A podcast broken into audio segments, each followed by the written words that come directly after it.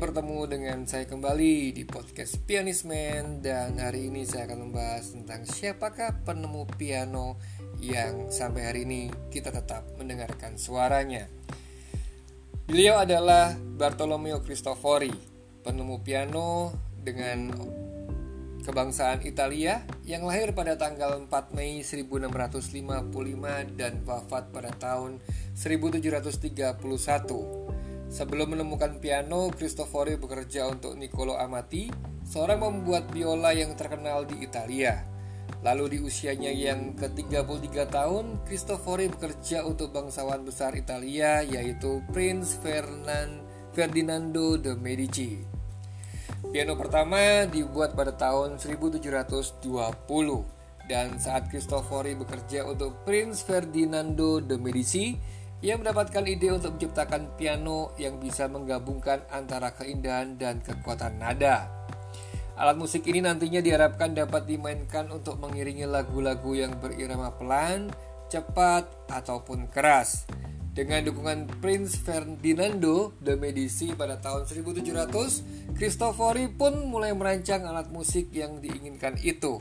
Lalu di tahun 1720, Cristofori berhasil menyelesaikan dan merealisasikan idenya untuk membuat piano. Banyak yang kagum setelah melihat hasil karyanya. Salah satunya adalah seorang jurnalis Italia bernama Scipione Maffei. Ia membuat alat musik ciptaan Cristofori itu dengan nama Gravicembalo Col Piano e Forte. Artinya adalah sebuah tali harpsichord dengan papan tut yang lembut dan menghasilkan alunan nada yang keras. Namun sebutan itu terlalu panjang maka disingkat menjadi pianoforte. Namun nama itu masih saja dirasa terlalu panjang hingga akhirnya disebut dengan piano.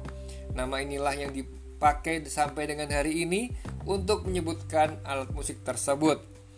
Alat ciptaan Cristofori yang terbaik pada masanya dan selain itu ada banyak pembuat instrumen lainnya yang berusaha menciptakan alat tali harpsichord yaitu piano dan pada akhirnya alat musik piano ciptaan Christopher lah yang paling baik jika dibandingkan dengan alat musik ciptaan yang lain.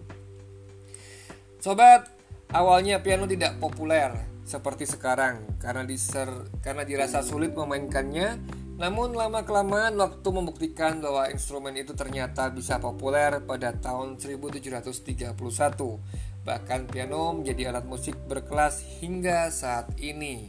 Nah, itu dia sejarah tentang piano yang bisa saya bagikan untuk kita semua. Dan hari ini adalah hari yang sangat istimewa buat teman-teman semua yang mendengarkan. Tetap semangat, tetap jaga kesehatan, dan intinya pakailah masker serta mencuci tangan. Nantikan podcast saya selanjutnya tetap di channel ini.